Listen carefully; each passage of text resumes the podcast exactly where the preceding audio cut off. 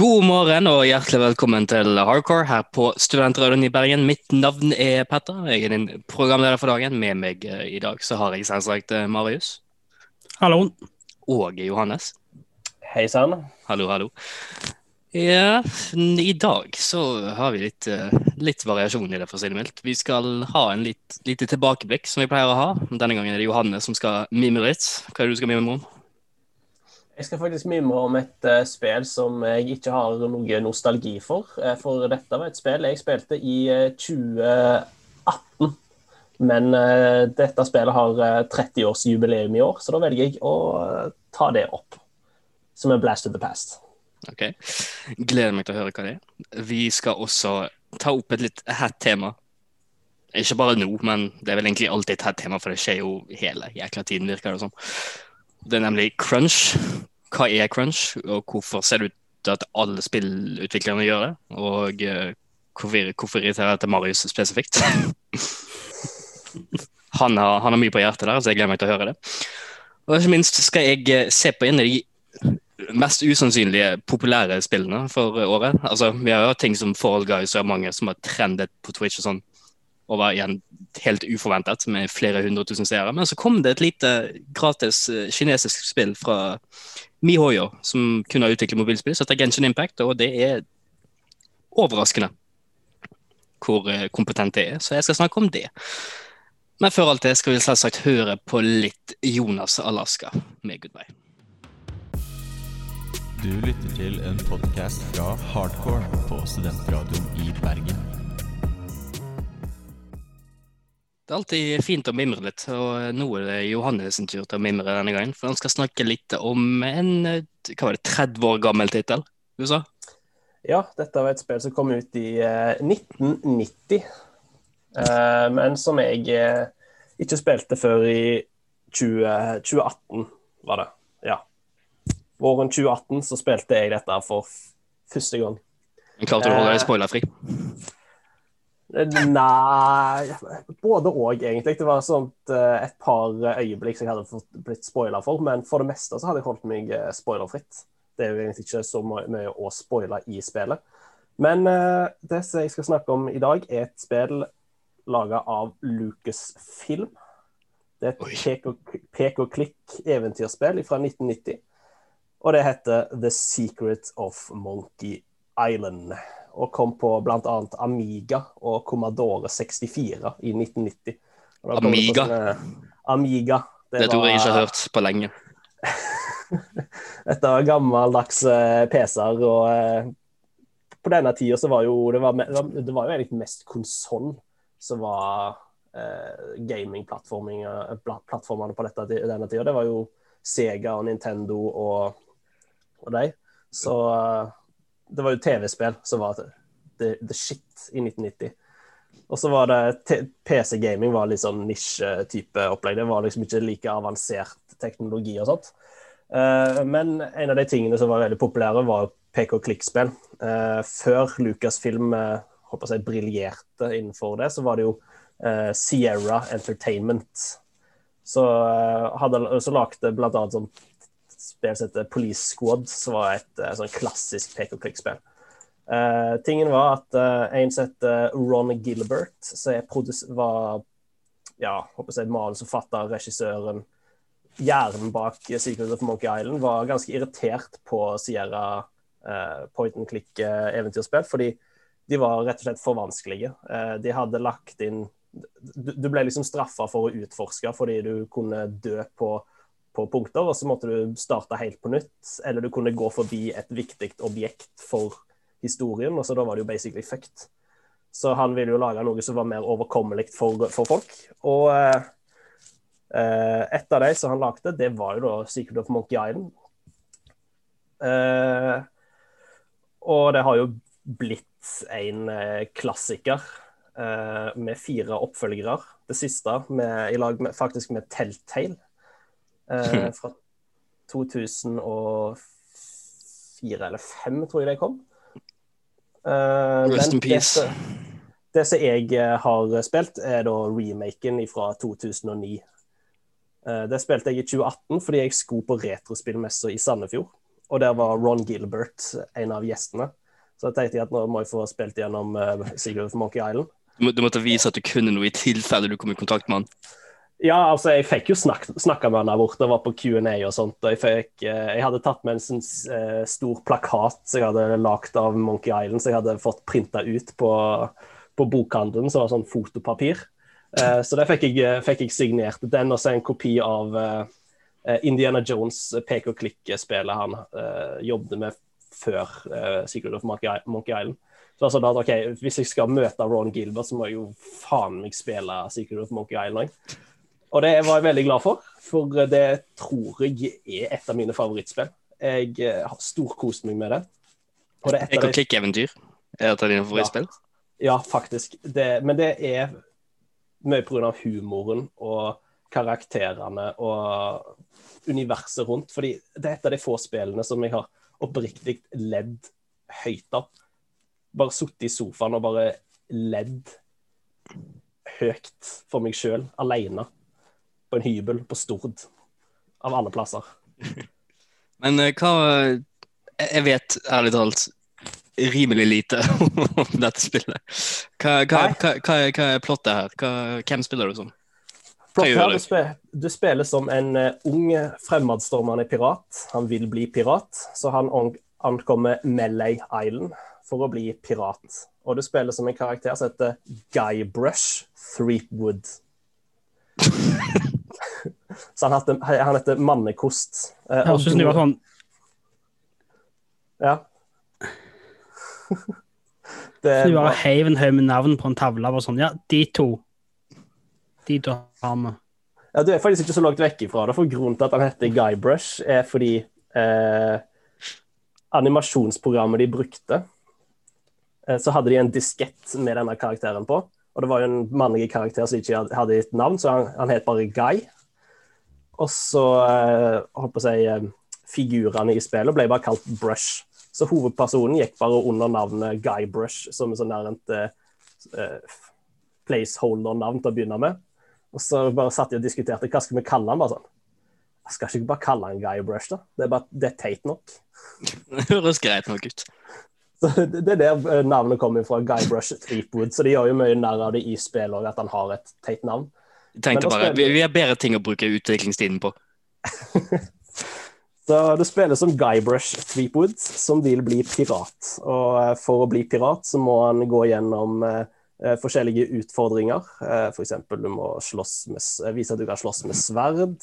Og så må du finne en skatt, og så må du ja, stjele. Du må gå gjennom forskjellige prøvelser. Og mens du holder på med dette, så er det en liten en fare som truer denne øya, med spøkelse av, et, av en sjørøver som heter LeChuck som har kommet tilbake til øya for han skal fange guvernøren på denne øya. Så mens du eh, prøver å bli pirat, så ender det opp med at du faktisk må redde guvernøren fra LeChuck. Så det er et så, ganske sånn typisk uh, sjørøverplott, basically. Men uh, det som er med dette spillet, er humoren. I hvert fall for meg så er fra, fra barndommen av veldig stor fan av Monty Python og KLM. Sånn absurd humor. Det er sånn der at du, du, ser på det, og du vet liksom ikke om du skal le eller grine, for det er så dumt. Sånn Et av eh, øyeblikkene i spillet så er du eh, på ei øy fullt med kannibaler. Eh, og så møter du de kannibalene, og så sier de ja, vi er kannibaler, men vi har slutta å spise rødt kjøtt fordi vi må tenke på helsa det, er sånn helt absurde øyeblikk i det spillet. Uh,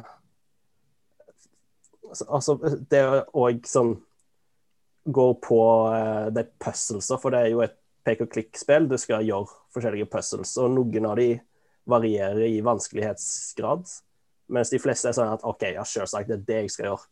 Mens noen av de er bare så fuckings absurd det er ett uh, objekt du plukker opp i løpet av spillet, så er en, uh, en gummikylling. Og så vet du ikke hva du kommer til å få bruk for den. Uh, vet dere hva dere kan bruke den gummikyllinga til i løpet av spillet? Nei, men Jeg gleder meg til å høre. Våpen. En zipline. Ja, Hvordan? Vent litt. så klart. Hvorfor kom jeg ikke på det? Nei, det, er- det, det, det er sånn det, det er bare borderline insane, enkelte av de der uh, Hvordan puzzlesa. Som håndtaket, liksom, eller? Ja, og så tror jeg kanskje at det er noe sånn der et uh, hånd, et eller annet som kan brukes som en zip-wire i midten, men du kan bruke det som en zipline. Og det er liksom en av de mest kjente puzzlesa, at det er bare sånn der teit. Og så et puzzle med at du skal gi en red herring for å avlede en vakt. Og red herring er jo da en sånn terminologi innenfor bl.a. film og sånt. Det, eller, det er vel en terminologi som generelt er, er sånn distrahering. Så her er det bokstavelig talt ei rød sild du gir til en vakt for å distrahere han. Så det, for meg så var det liksom det var humoren og karakterene som bare sjarmerte meg i senk. Det liker vi å høre, altså. Eh, Du, sa- du sa du spilte eh, remaken, Ja. og den kom ut når? 2009, da kom både Secret of Monkey Island og Secret of Monkey Island 2 eh, ble remaka med oppdatert grafikk, med håndtegna animasjon, også med uh, voice acting, for det var opprinnelig ikke det på 90-tallet. Så det, Ja. Jeg antar de uh, eh, har en sånn eh, Spyro-aktig modus der du kan skru tilbake til originalen. Jepp, du trykker på én knapp, så skal du skru tilbake til den originale artstylen og originale musikken og, og alt sånt. Uh. Jeg, jeg, jeg elsker når de respekterer originalen sånn. Ja, jeg liker det òg, men eh, jeg holdt meg til remaken, for eh, Altså, jeg, jeg, jeg, jeg testa med den originale, og selvsagt, det funker jo ennå, men du mista liksom litt når den der håndtegna animasjonen forsvant, og det var pikselert, og det ikke var voice acting, fordi voice actinga i dette spillet, i remaken, er fantastisk. altså, du skal få lov til det med tanke på at spillet kom ut i eh, 1990 originalt. Eh, ja. Det har jo forhåndsvis eh, holdt seg, men eh, jeg ville anbefalt Hvis du er nykommer, så er det jo det remaken eh, å gå for. Jeg vil anbefale folk å se, prøve å lete opp en liten sammenligning mellom originalen og det nye håndtegnet. fordi originalen, det er, det er 1990. Det er natt og dags forskjell, liksom. Det, det er sånn 1990 så du får det. Det Sånn Ja. bilde og sånn liten dialogboks under med sånn eh, klassisk eh, Commodore 64-tekst lignende. Veldig. Ja, men eh, jeg spilte det jo fordi jeg skulle møte Ron Gilbert, og jeg var jo på Q&A-en, en fantastisk type. Uh, tingen er jo at det er fremdeles Lucas Film som sitter på rettighetene til Monkey Island. OK, så Så, dis, så Så- Disney eier det. Det er Disney som eier det. Uh, og dette snakket han ganske masse om på den Q&A-en. Og uh, han har jo veldig lyst til å lage mer Monkey Island, men eh, det ser ikke ut som Disney vil gjøre noen ting med rettighetene sjøl, eller selge de tilbake til han, for han har jo lyst Han har jo nå et eget uh, indie-selskap. Han har jo lagd Thimbleweed Park, som kom ut for noen år siden. Mm. Tidligere så har han òg lagd uh, sånn point and click-spill for barn. Uh, Pajama Sam, Spyfox og Putt Putt. Det er han som har stått bak. Eh, jeg husker at jeg fikk Spyfox i frokosten på landinga mi en gang. Altså, Så- Disney er ikke veldig glad i å lage spill, så jeg tror sjansen for at de lager det, er veldig lav. Nei, for det var det jeg snakket med, altså at han var liksom litt irritert på Disney. At eh, de ikke De har liksom sittet på rettighetene, og de, det er jo en ganske kjent IP, i hvert fall innenfor retro-gaming og sånt. Det er sånn, sånn generelt. Folk kjenner til Monkey Island. Eh, og det er en ganske stor fan, fanbase der ute. Så han har jo han har ideer. Han har lyst til å lage et nytt Monkey Island, men uh, ingen har kontakta han ennå, så det, han sa i hvert fall at hvis han fikk lov til å lage et Monkey Island-spill, så kommer det ikke til å være en Monkey Island Battle Royale, i hvert fall. Uh, det skulle han love. Vi kan ikke sette vår lit til Disney, fordi de, etter at Disney Infinity ikke funket, så har de bare gitt opp. De outsourcer jo til andre selskaper. Ja, de har jo eh, Ja, Sony og EA har vel vært de som har vært Og- lagt spillene deres. Jeg er ikke sur på Mm, Disney, fordi for de bare jeg er sur på Disney fordi de prøvde å lage spill sjøl, og så lagde de Epic, Epic Mickey, og det var faktisk et jævlig bra spill, men det solgte ikke bra nok, så de bare ga opp. Ja, De lagde vel Epic Mickey 2, som solgte enda verre igjen. Ja, Ja. men det, det var også et bra spill, men ingen solgte det, fordi de, de vet ikke hva markedsføring er, uten, med mindre det er Marvel-filmer. Nei. Uansett, det er en helt annen historie. Takk for tilbakeblikket på Monkey Island, Johannes. Ja, eh, jeg vil bare avslutte med at jeg håper at Disney kan bare gi fra seg rettighetene. Hva faen skal dere med Monkey Island? Det sitter folk der ute som har lyst til å lage et spill basert på det, så Hovedpoenget med, hovedpoenget slutt med å være dette kjipe. Slutt å være kjipe, Disney. Disney gir fra seg noe. Hovedpoenget, hovedpoenget til slutt her er fuck Disney. Fuck Disney, spill Monkey Island. Nå skal vi høre Five Years av Lotte. Du hører på en podkast fra Hardcore og Studentradio i Bergen. Om det ikke var tydelig nok med tanke på at vi er med i et spillpodkast, så er vi jo rimelig glad i spill. Men det vi er mindre glad i, er å høre alle historiene fra de som lager spillene vi elsker, om arbeidstider og lignende. For gjennom år etter år etter år, så er det ett ord som kommer opp igjen og igjen og igjen. Og det er crunch. Crunch-tid, for å si det sånn. Og Marius, jeg føler at du er, du er mest passionate om det her. Iallfall ut fra Ja, på hvilken måte. Jeg gjør meg Mest Ja, sinna. eh, Mest jeg, sinna over del, altså, jeg har en del tanker, for jeg, jeg er irritert over at jeg ikke klarer å få gjort noe med det. Altså Når vi betaler så mye for et spill, og så må de stakkarene som lager det, eh, jobbe overtid, ofte ubetalt, eh, og så får ingen belønning for det, syns jeg er helt forferdelig. Drit. Jeg liker det ikke i det hele tatt. Eh, dessverre så er det egentlig litt nødvendig nå for tida. Eh, fordi vi har store forventninger til spill. Vi vil ha de fort, og vi vil ha de til en fast pris. Eh, om jeg liker når ting ikke funker, Mhm. så de må jo egentlig kanskje. Uh, så jeg føler det er noe, noe som må fikses cross hele industrien. Uh, heldigvis er noen land flinkere enn andre, altså Polen. er bedre enn USA, men det er ikke bra noen steder. Ja, men for bare sånn helt, helt baseline først, så folk forstår okay. oss. For dette er kanskje litt, eh, kanskje litt fremmed for noen. Hva- hva hva- crunch. Hva er crunch? Vel, du har to typer crunch. Det ene er en treningsøvelse. Ok, men det var ikke den typen vi snakker om. Den andre typen Det er en veldig god treningsøvelse, da. Men ja. er når du jobber overtid i en kort til lengre periode for, for å få gjort noe ferdig. Så det er ofte sånn 16 timers dager, eh, seks dager i uka ofte. I eh, alt fra en måned til et, et, år før et spill kommer ut for å gjøre det ferdig.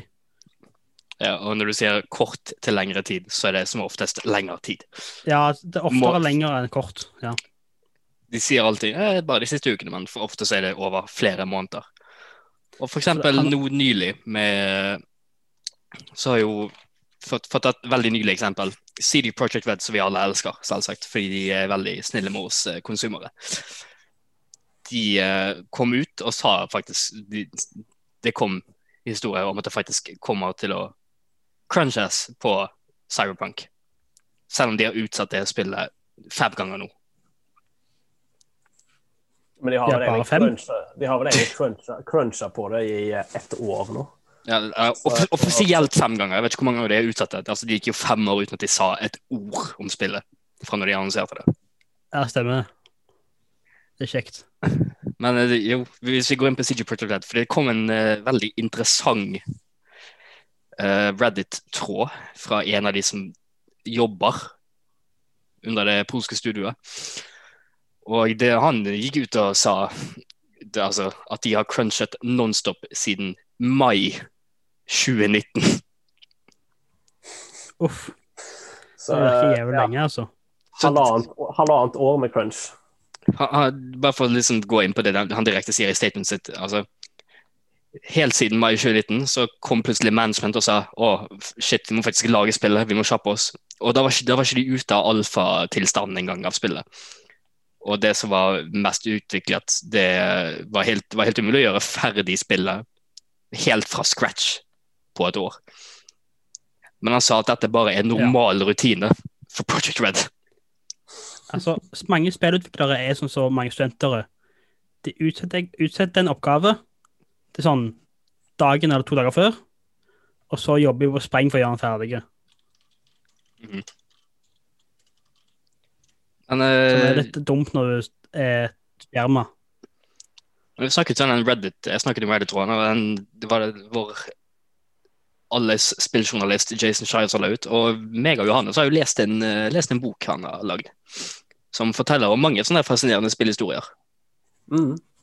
Og eh, jeg vet, ikke, om- jeg vet om du har et, go- et godt eksempel. Jeg, kan, jeg har et par, men jeg vet ikke om du eh, har et eh, primært eksempel på noe du har lest der. Nei, for han, han snakker jo om uh, CC Project Red i den boka òg, under uh, Witcher 3. Eh, men av de som han snakker om der, så er mest interessant for min del eh, kanskje Uncharted 4. Når han snakker om eh, crunch i Naughty Dog. For det har jo vært veldig mye opp i media nå i det siste rundt The Last of Us Part 2 og, og eh, ja, crunch-tilstandene der. Eh, for sånn som det var med Uncharted 4, var jo at de, de stansa jo hele produksjonen, basically, og så starta de fra scratch. Så da hadde de jo lagd ganske mye av et spill, og så scrappa de det, og så måtte de begynne på nytt. Og så måtte de Da fikk de i hvert fall utsatt eh, datoen litt, men de måtte jo fremdeles crunche en god del for å få det ut, eh, ut av dørene tidsnok. For jeg ser, med CG Project Red igjen, da, så har de alltid hatt en sånn, u, sånn to års dødsmarsj som de ikke kan unngå hver gang de har eh, gjort ferdig et spill. Der de Der er det bare sånn de gjør ting. De kuker rundt i preproduksjon for eh, i flere år, og så plutselig bare Å, shit, vi må lage spill, og så rusher de alle, og så må de jobbe crunch i over et år. Så jobber de alt så jobber de alle utviklerne til beinet. Og så bare må de utsette ting, og så fortsetter de å jobbe til helsike, og så går ikke det denne gangen heller, så må de utsette ting igjen. Og dette er ikke bare unikt for de. Dette, dette De- føler jeg de er en greie med alle. De lærer aldri, altså, med andre ord. Nei, men det er mest pga. på grunn av de i toppen av eh, næringskjeden som ikke faktisk Jeg vet ikke. De vet ikke De bare tenker de har en haug med unge, flittige spillutviklere som bare kan gjøre som de eh, vil at de skal gjøre. For altså, det er jo ikke et Altså, det er ikke et problem bare i Naughty Dog og CD Project Red og sånt. Dette her er jo et ganske universelt eh, problem i, eh, i spillbransjen. Og det blir litt Jeg, jeg altså, Selvsagt, vi skal jo rette pekefingeren mot de selskapene som driver Crunch og holdt på å si skryter av Crunch, og så blant annet Rockstar gjorde under Red Dead Redemption 2, skrøt over hvor flinke folk var til å legge ifra seg basically alt annet enn eh, jobben, og jobbe 14 timer i døgnet. Eh, Selvsagt du skal rette pekefingeren mot deg, men dette her er et større problem enn som så. Det er mer eh, jeg universelt problem med dårlige arbeidsforhold, lite fagforeninger. Så det er jo et større, større inn- inngrep som må, til enn å demonstrere mot ett selskap. Ja, altså det er et problem innenfor alt, alt av koding og sånn special effects. For folk forventer at, du bare, at det er nesten magi. Sånne spill, sånne aksjeeiere og sjefer forventer at ting bare, ting bare skjer. Uh, uten å være klar over at folk må holde på i flere timer for å gjøre, gjøre sånt. Det tar ofte kjempelang tid. Eh, og så setter de ofte en deadline, eh, uavhengig av hva det eh, de selve spillerne vil, altså, altså de som lager spillet vil, men basert på når de trenger pengene, Ja, det var jo det som som, ikke er realistisk for å nå nødvendigvis. det var jo det som ødela Anthem til BioWare. Det var jo uh, sjefene i dress som kom inn og sa at ja, vi skal spille ute til, til den og den perioden, for det, da får jo de sjefene bonusene sine. Så da må de få ut det spillet tidsnok. Og det, eh, Anthem, når det ble vist fram til sjefene i EA og BioWare, eller i hvert fall i EA, så var jo det det var så vidt inn i en alfa. Og bare sånn ja, OK, det skal være ute om eh, halvannet år. OK, da Hva skal vi si på det, liksom? Ja, ja. Anthem. Jeg husker, Ja, kan ikke jeg si så mye på den. Jeg husker hele Anthem-katastrofen, fordi Jason Shire la ut en uh, ganske dypdykende artikkel på det òg. Og da var det sånne ting som at spillet skulle egentlig ikke hete Anthem, de hadde en helt annen tittel klar, og så fant de ut sånn ti minutter før de skulle vise spillet uh, Eller ikke ti minutter, men sånn rett før uh, de skulle vise spillet på E3 for første gang i hva var det, 2018. Så fant de ut at å nei, det går ikke pga. copyright, så måtte de endre det til Anthem. Det skulle egentlig ha en helt annen tittel.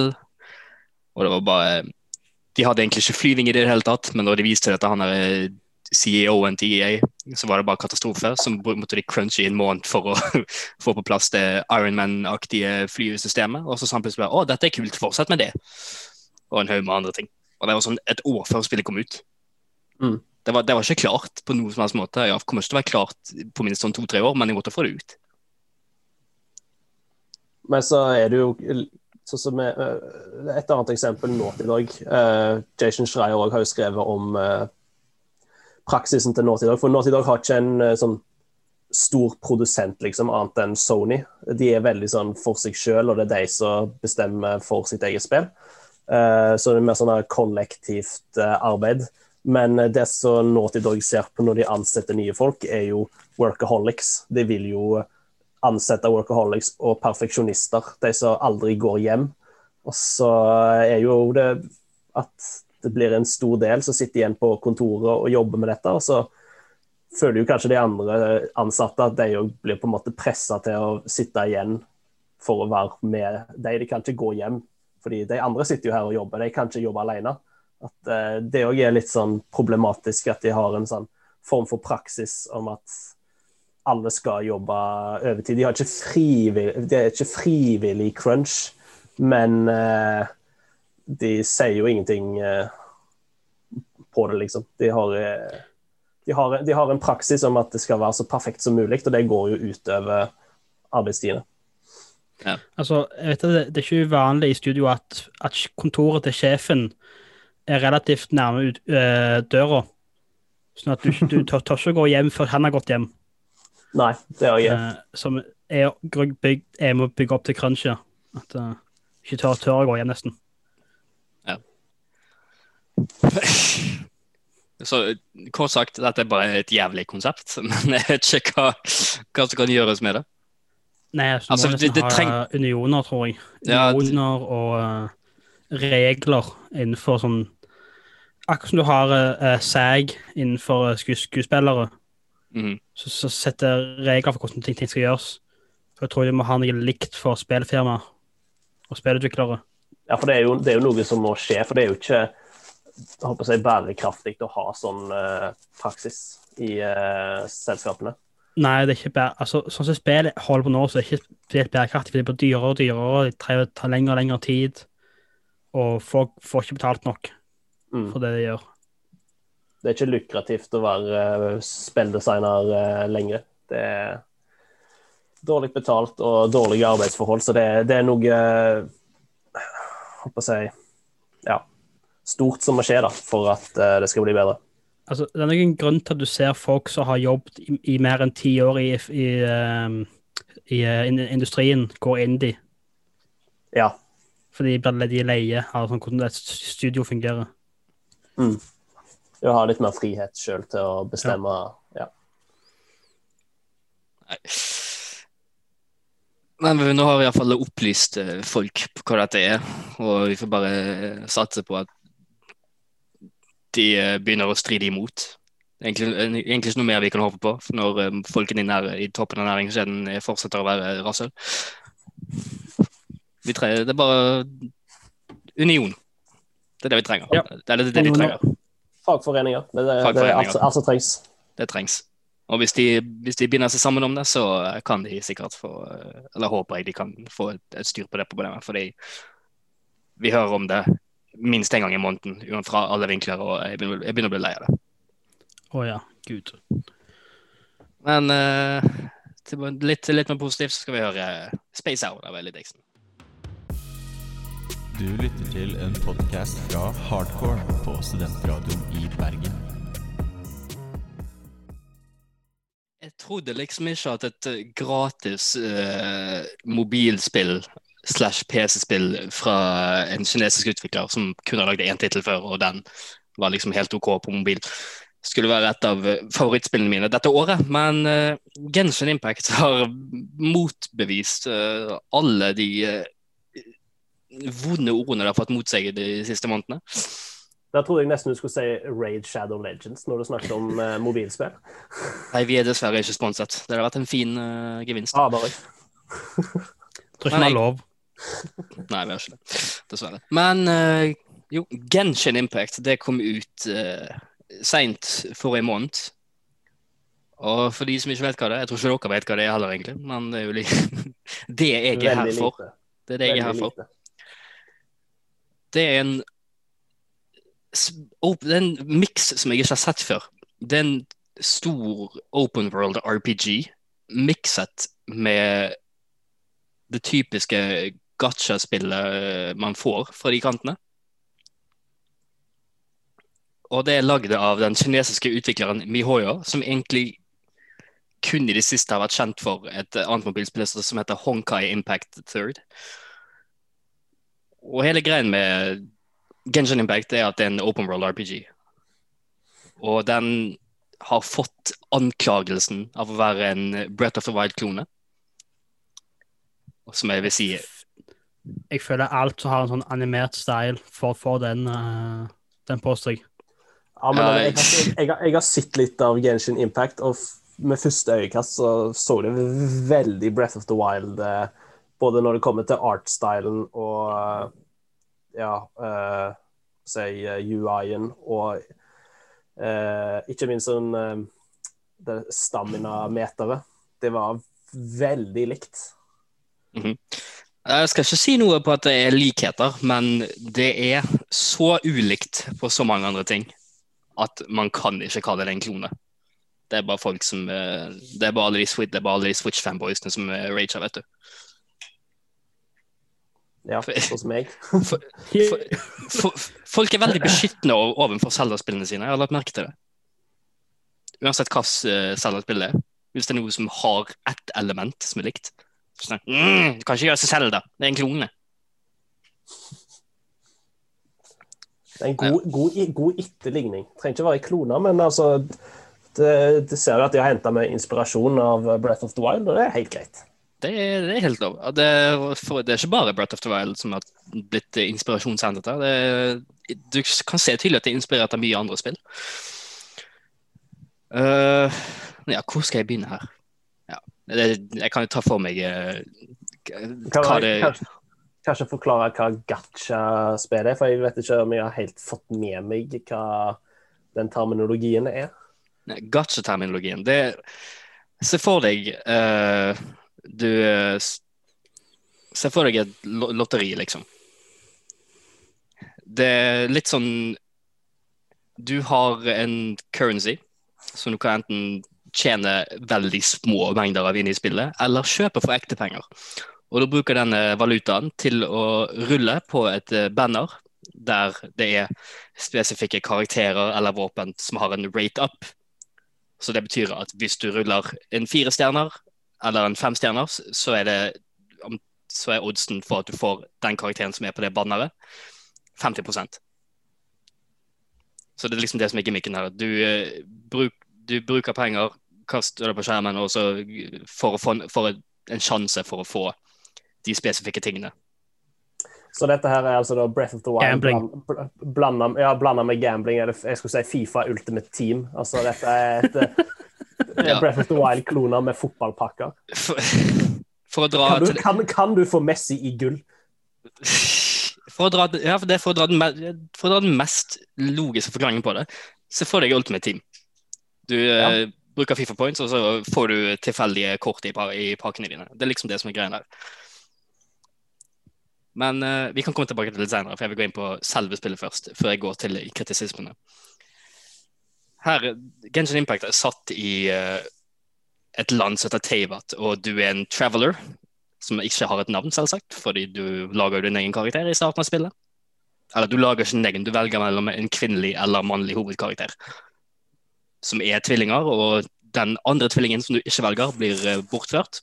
Så blir du transportert til Taivat, og der møter du et, uh, en variasjon av karakterer som uh, har en haug med elementer. Og sånn. Fordi greia med Taivat er at det er et svært land som styres av syv forskjellige elementer. Styr, som er styr, igjen styret av syv forskjellige gudlignende skapninger. Og eh, der igjen så er dette kartet dette, det, det, er en svær open world RPG. Så landet Teyvat er delt inn i syv regioner, som alle har sin egen gud. Og de styrer forskjellige elementer igjen. Så vil du ha, og disse regionene er basert på ekte steder. da. Eksempel de to regionene som er tilgjengelig i spillet nå. Den første heter Mondstadt, og den er ganske tydelig basert på Tyskland. Med tanke på hovedbyen og karakterene som er på plass der. Og så har du du Nazier. Det var Nei. Jeg, snak, jeg snakker om arkitekturen i byen. ok? Nei, det, er- det, er- det, er- det er Ah. masse karakterer med sånn lederhosen og sånt. Som går rundt der. Det, det er ikke kødd engang. Det er faktisk en del lederhosen som er rundt i den byen. Og så har du Liu, som er ganske tungt basert på Kina. Kommunister. Mm? Kommunister. Bare Jeg føler jeg må ta opp de òg, sånn jeg tok opp naziene forrige gang. Altså, Gjennom historien så møter du selvsagt uh, en haug med karakterer som hjelper deg videre på målet. For eksempel eh, Og de, disse karakterene er liksom en demo på dette gassystemet. Fordi gjennom første kapittel i historien så får du tilgang til fire karakterer i partyet ditt. Og pluss deg, da. Fordi den karakteren du spiller som, kan du selvsagt uh, oppgradere og spille som sjøl. Men hvis du har lyst på flere karakterer etter det, så må du gå gjennom gacha-systemet. Selvsagt. Men det skal, skal ikke si at eh, det er en greie her. For dette er ikke et pay to win-spill i det hele tatt, Send det gratis. Og det, det bruker et gacha-system. Så langt i spillet så har ikke jeg brukt en eneste krone. Jeg tror jeg har brukt nesten opp mot 40 timer på spillet. Og jeg har ikke engang brukt opp den gratis eh, premium currencyen de har gitt meg. Og jeg har stort sett bare brukt og oppgradert de karakterene spillet har tildelt meg, pluss de par jeg har fått gjennom gacha-systemet. Og de har funket helt fint for meg. Og det, ingen av de er fem stjerner, som er den høyeste rarityen. da. Alle de er fire stjerner, for det, det er kun fire og femstjerners karakterer. Ja, for jeg har liksom hørt det at eh, Jeg har hørt litt sånn anmeldelser og folk som har spilt, at de har spilt 100 timer, og de har fremdeles eh, ikke brukt eh, penger i spillet. Det, selv om det kan virke som et litt sånn herre uh, Gotcha. Uh. Må, jeg, må jeg bruke en tusenlapp for å få det jeg vil ha, liksom? Altså, Med mindre du har lyst på akkurat den ene wifuen din, så er ikke, ikke noe frykt eh, for at det du har, ikke funker, funker i spillet. Altså, jeg har nådd uh, Karakterene kan oppgraderes til maks level 90, og det kommer til å ta haugvis av tid. selvsagt. Men alle, dette er en RPG, og for å oppgradere karakterene så må du selvsagt gå gjennom verden for å skaffe ingredienser. Du må skaffe spesielle ting for å oppgradere spesifikke karakterer. Og så har du sånne små dungeons, som igjen er en sånn liten Breath of the Wild-sammenligning, der du går inn for å få oppgraderingsmaterialer. Du åpner kister gjennom hele verden, flyr rundt for å åpne de. Du får XP av de, og du får levelingsmaterialer, og du får pengevalutaen som de bruker, som heter Mora. Alt dette får du stort sett kun gjennom å faktisk spille spillet. Så det er liksom Du kan ikke betale deg Du kan ikke betale deg videre i spillet. Du må faktisk spille sjøl og legge inn arbeidet. Greit. Noe av det har jo selvsagt denne tidsavgrensningen. Sånn Du kan kun Det er et system som heter resin i spillet. Og det er liksom Se for deg hjertene i Candy Crush. Du, du, kan Ja. kun, du kan kun dø fem ganger, så å, men så må du vente for å få flere liv. Her er sånn, Hvis du bruker eh, resin for å gjøre unike ting, som å gå gjennom dungeons eller kjempe mot world bosses, som er de store bossene som er spredt rundt kartet og gir deg oppgraderingsmaterialer som du trenger, så må du bruke resin. Og denne resin får du kun et begrenset tilgang til hver dag. Og det er liksom der mobil-vibesene kommer inn her. Mm. Men hvis dette hadde vært en tittel som kostet 40 dollar, og du fjernet gachi-systemet, og du kun kunne tjene ting i spillet, så hadde det vært null forskjell fra en premium trippel A-tittel. For her er ting så nydelig. Den åpne verden, jeg, vil faktisk påstå at den åpne verden her er OK, det har kanskje litt å gjøre med at Zelda er of the Wild er begrenset til en Switch, da, eller Wii U. Men det ser betydelig bedre ut. Men han er ikke like gøy å utforske, selvsagt. Men det er mye vibes der. Du kan Det er litt sånn Litt akkurat sånn som Breath of the Wild. Du eh, er på vei til eh, markøren for å gjøre hovedhistorien. Og så ser du bare å, der er en kiste. Å, der er en sånn liten flyvende som kan gi meg en ekstra pris. Å, der er, der er noen fiender. Du blir så distrahert hele tiden. Og det er fantastisk å bare utforske denne åpne verden. Jeg, sånn, jeg har kontinuerlig utsatt historiegreiene mine bare for å utforske. Men kan du nevne et Taiwan eller Ho- Hongkong i chatten i spillet? Jeg har ikke prøvd det sjøl, fordi jeg har ikke noe behov for det. Men jeg tror ikke du kan. Nei, OK. Det, Men det er en- det er det ene tingen jeg vet, bedt om spill, at de sensurerte visse ord som er litt Kina er veldig glad i. Ja, no, noen må lære de kinesiske ekstremistene en penge snart. Men det er en, det er en annen historie. Du melder deg frivillig? Hmm? Du melder deg frivillig? Jeg har ikke, jeg har ikke makten til å gjøre noe. Dessverre. Ja, dette her er jo de kinesiske myndighetene som bestemmer Jeg tror ikke det er akkurat det er selskapet sjøl sine meninger som kommer, kommer fram der. Det er vel mer at de er kinesisk selskap, så de må opprettholde de her bedritne reglene til Kina. Mm. For det er vel akkurat det samme med hvis et eh, amerikansk selskap skal selge et spill i Kina, så må de jo eh, blokkere ut enkelte ting som ikke kan bli sagt i eh, chatten. Ole Brumm og sånne ting. Ja, forskjellen bare at det her gjelder hele verden, ikke bare i Kina. Ja, sant. Uh, og jo, uh, combat-systemet. Det, det, det er en ting jeg kan med hånden på hjertet si at er betydelig bedre enn Breath of the Wild.